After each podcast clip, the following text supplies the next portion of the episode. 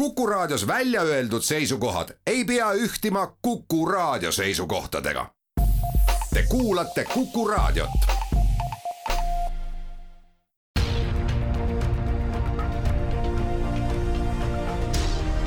uue samba taga.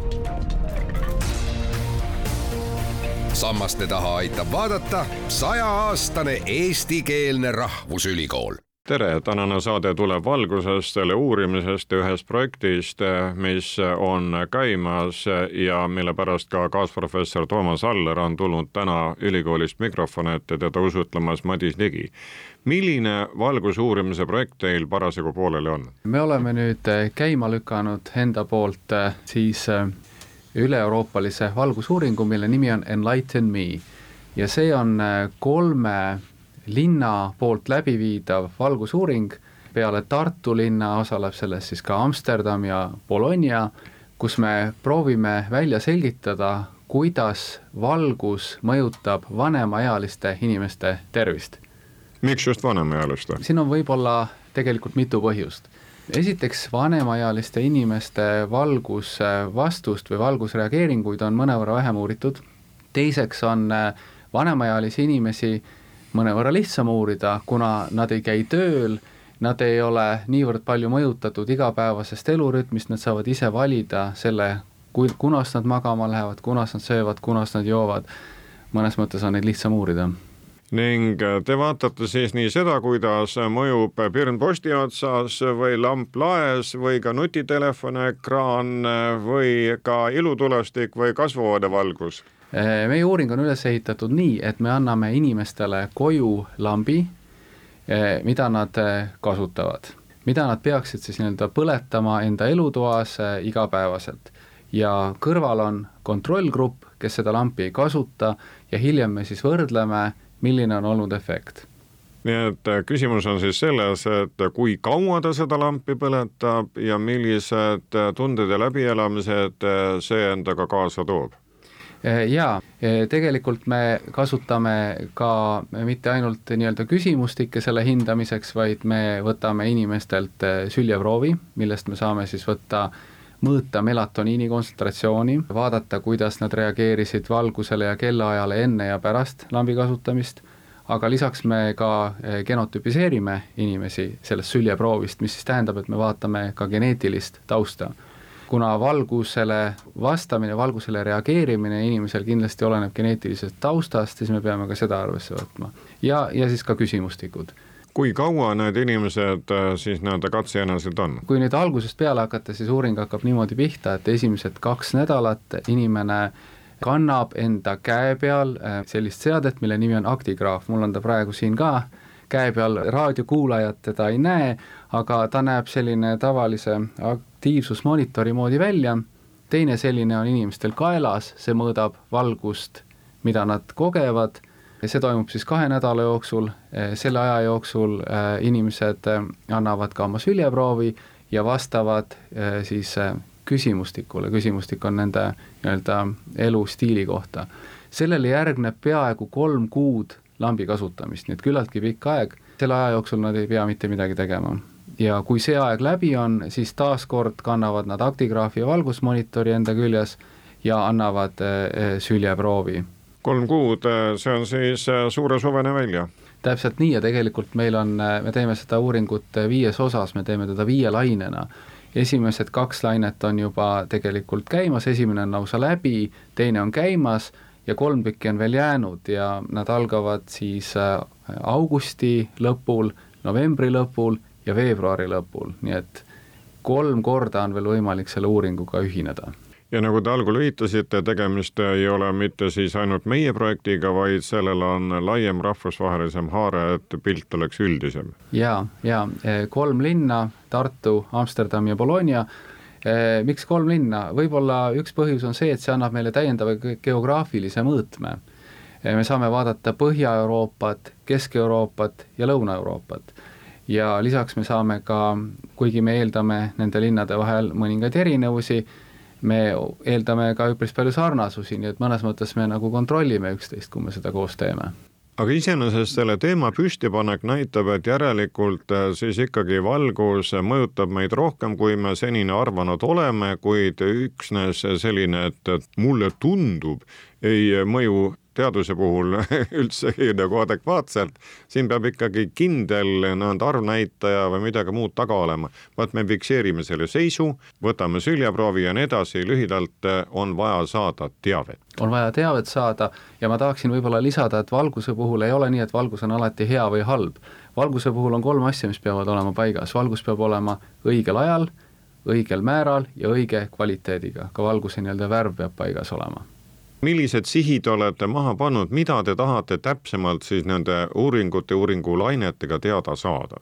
Eh, me tahaksime hinnata seda, kas eh, täiendava valguse kasutamine mõjutab positiivselt inimeste elu. Eh, kas nende tervis, meeleolu paranevad, kas sellel on efekt ja kas seda peaks tegema. no üldiselt on teada, et valgusel on efekt, aga me tahame seda nagu täpsemalt mõõta, et me suudaksime inimestele mingil hetkel anda ka konkreetsemaid juhiseid, kuidas nad peaksid käituma. ja, ja seda, nagu ma enne mainisin, geneetilises võtmes samuti, sest on täiesti võimalik, et mõned inimesed on valguse suhtes väga palju vastuvõtlikumad, nende geneetiline taust on selline, et nad peavad väga palju tähelepanu pöörama, kuidas nad valgust enda ümber kasutavad ja teistel võib-olla see nii oluline ei ole ja lisaks see muidugi sõltub ka vanusest, et me kõik teame, et noored inimesed võivad mõnikord öö läbi pidutseda, neil ei ole häda midagi, aga vanemaealisel inimesel on natuke vähe või natuke palju valgust ja tal on kohe mingisugune mõju seoses sellega on ju käibele tulnud ka, et lamp läheb loo ja kui on väga pikalt üleval oldud, siis äh, tuleb püsti olles, kes ebasilmale. nii on, nii on tegelikult küll jah, et enne magama minekut äh, seda räägitakse raadios, televisioonis ja ajalehes ei ole hea kasutada tugevat valgust, sinist valgust, helendavaid ekraane, see kõik on väga oluline, jah. Kas oluline on ka siinkohal see, et kui palju on teil siis nendes uurimisgruppides lainetes naisi, kui palju mehi, ehk kas nüüd erinevatele sugudele mõjub see valgus erinevalt? see on väga hea küsimus ja tegelikult, et seda konkreetselt vastata, oleks vaja väga suuri uuringugruppe. Eh, meie antud juhul eh, eeldame ja ootame, et meil on meeste ja naiste arv uuringus enam-vähem võrdne. me tahaksime eh, loomulikult neid ka eraldi vaadata, aga kas sealt tuleb nii-öelda piisavalt palju informatsiooni tingituna siis sellest inimeste arvust, kes uuringuga ühinesid, me veel ei tea. aga täiesti asjakohane küsimus, mina arvan, et erinevused on, kui palju me neid detekteerime, praegu ei oska öelda kui kaua teil siis see uurimistöö käib, millal tõmbate joone alla, ehk milline on projekti ajaline ulatus? projekt ise on, meie teeme siin ainult ühte osa sellest suurest euro, europrojektist, projekt ise on viieaastane eh, ja käib aastani kaks tuhat kakskümmend seitse. aga meie osa, nii-öelda see bioloogilise teaduse osa selles projektis eh, lõpeb ära siis järgmise aasta, mis on kahe tuhande kahekümne neljanda aasta veebruariga ja peale seda algab andmete analüüs. notifiseerimine, eh, melatoniini mõõtmine, küsimustike digitaliseerimine ja see kõik eh, algab peale andmete kogumist, jah.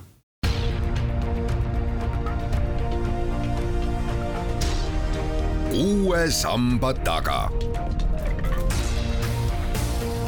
sammaste taha aitab vaadata sajaaastane eestikeelne rahvusülikool Toomas Aller, aga milline oli teie nii-öelda eelnev enne seda projekti, et äh, kuidas te valguse mõju ja valgust üldse uurisite ja selle mõju inimesele? Äh, no mina pean tunnistama, et mina sattusin sellesse uuringusse pigem seda bioloogilist rada pidi, et ma ei ole valguse uurija tegelikult olnud, mina tegelen äh, genoomika ja metaboloomikaga, aga kuna valgus on,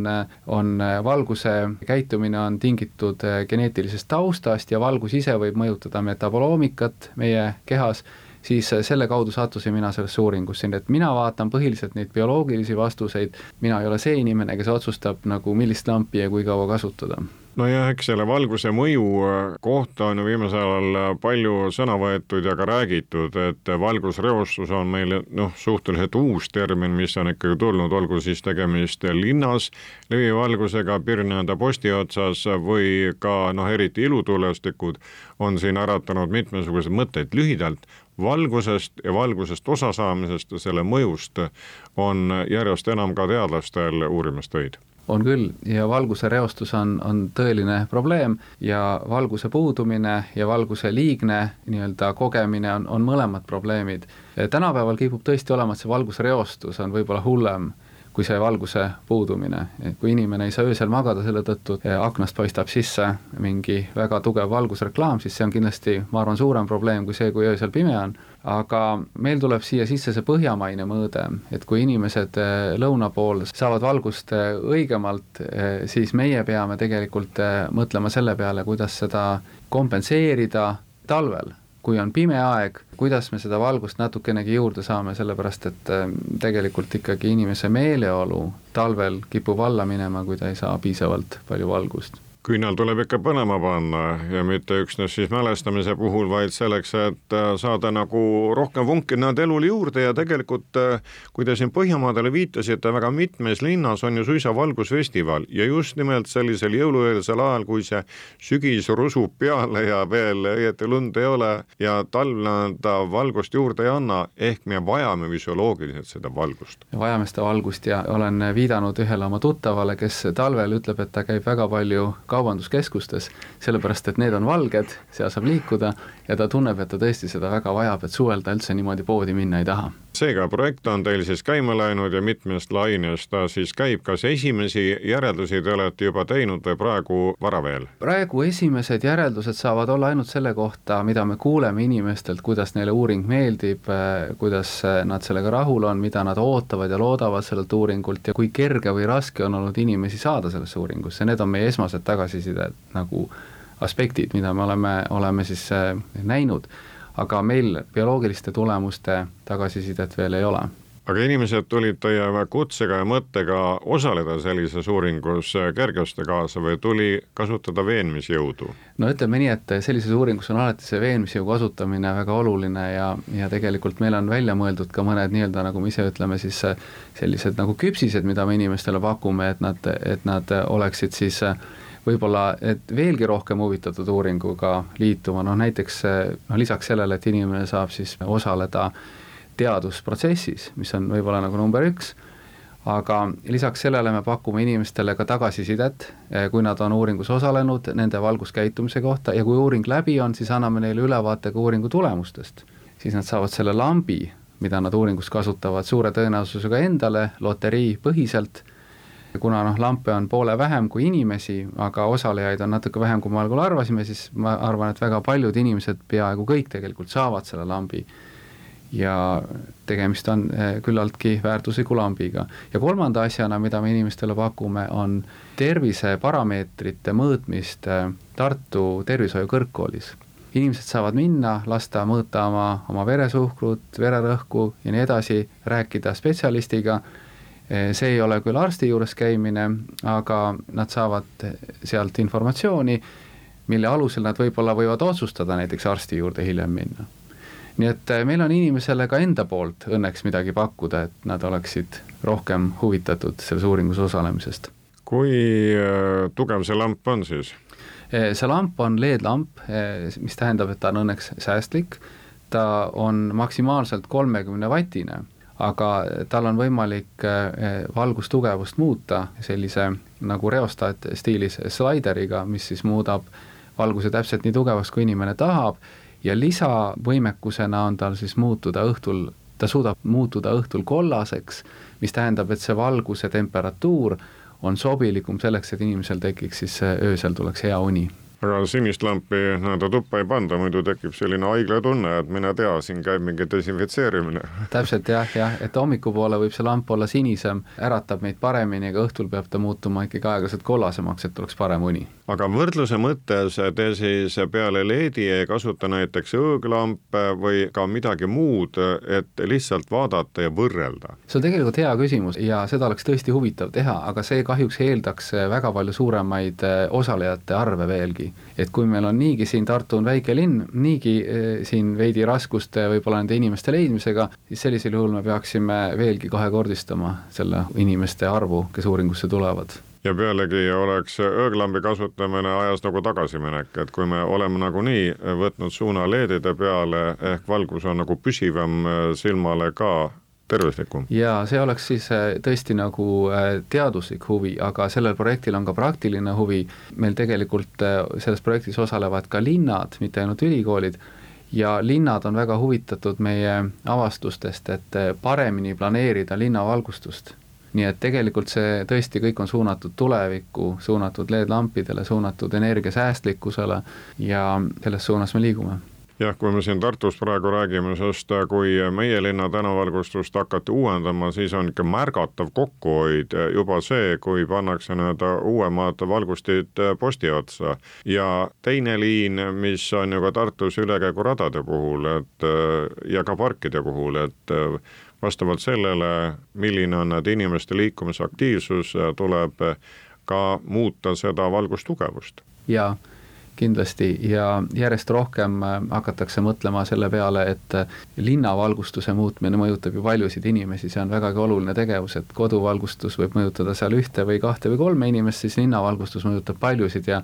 ja kindlasti linnad on järjest rohkem huvitatud äh, sellest, et saada teaduslikku tagasisidet inimeste valguse vajaduste kohta.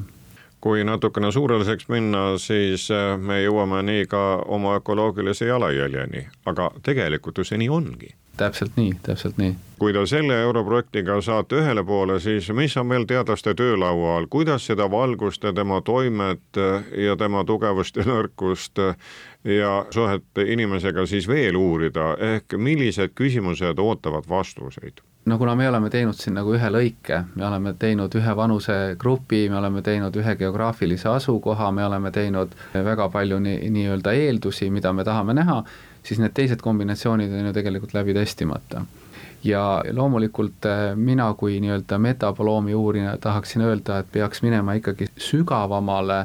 meie nii-öelda kehakeemiasse selle teemaga, mitte ainult vaadata, kuidas inimesed reageerivad, vaid tegelikult ka rohkem mõõtmisi teostama metaboloomika tasemel. Äh, loomulikult need uuringud oleksid veelgi keerulisemad, nad eeldaksid tõenäoliselt ikkagi ju siis vereproove ja, ja neid oleks äh, päris raske teha, nii et see on teema, mis on, on selles mõttes keeruline, et eh, kas või see aeg, mis uuringu peale kulub ja kas see lambi efekt ei tule paari päevaga välja, on niivõrd pikaajaline, et eh, ta on keeruline.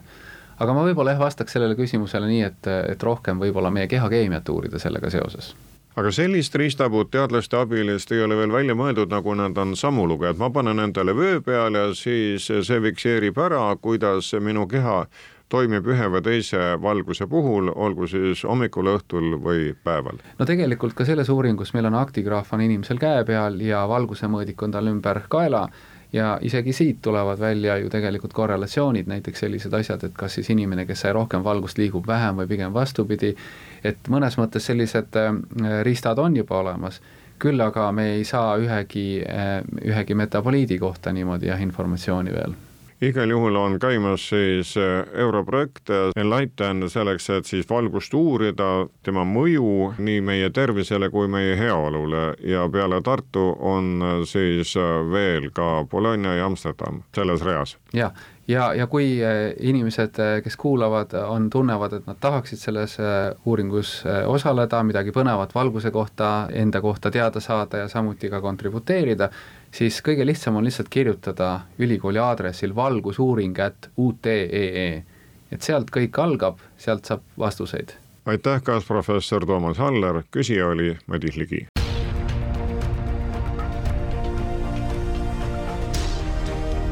Uue samba taga.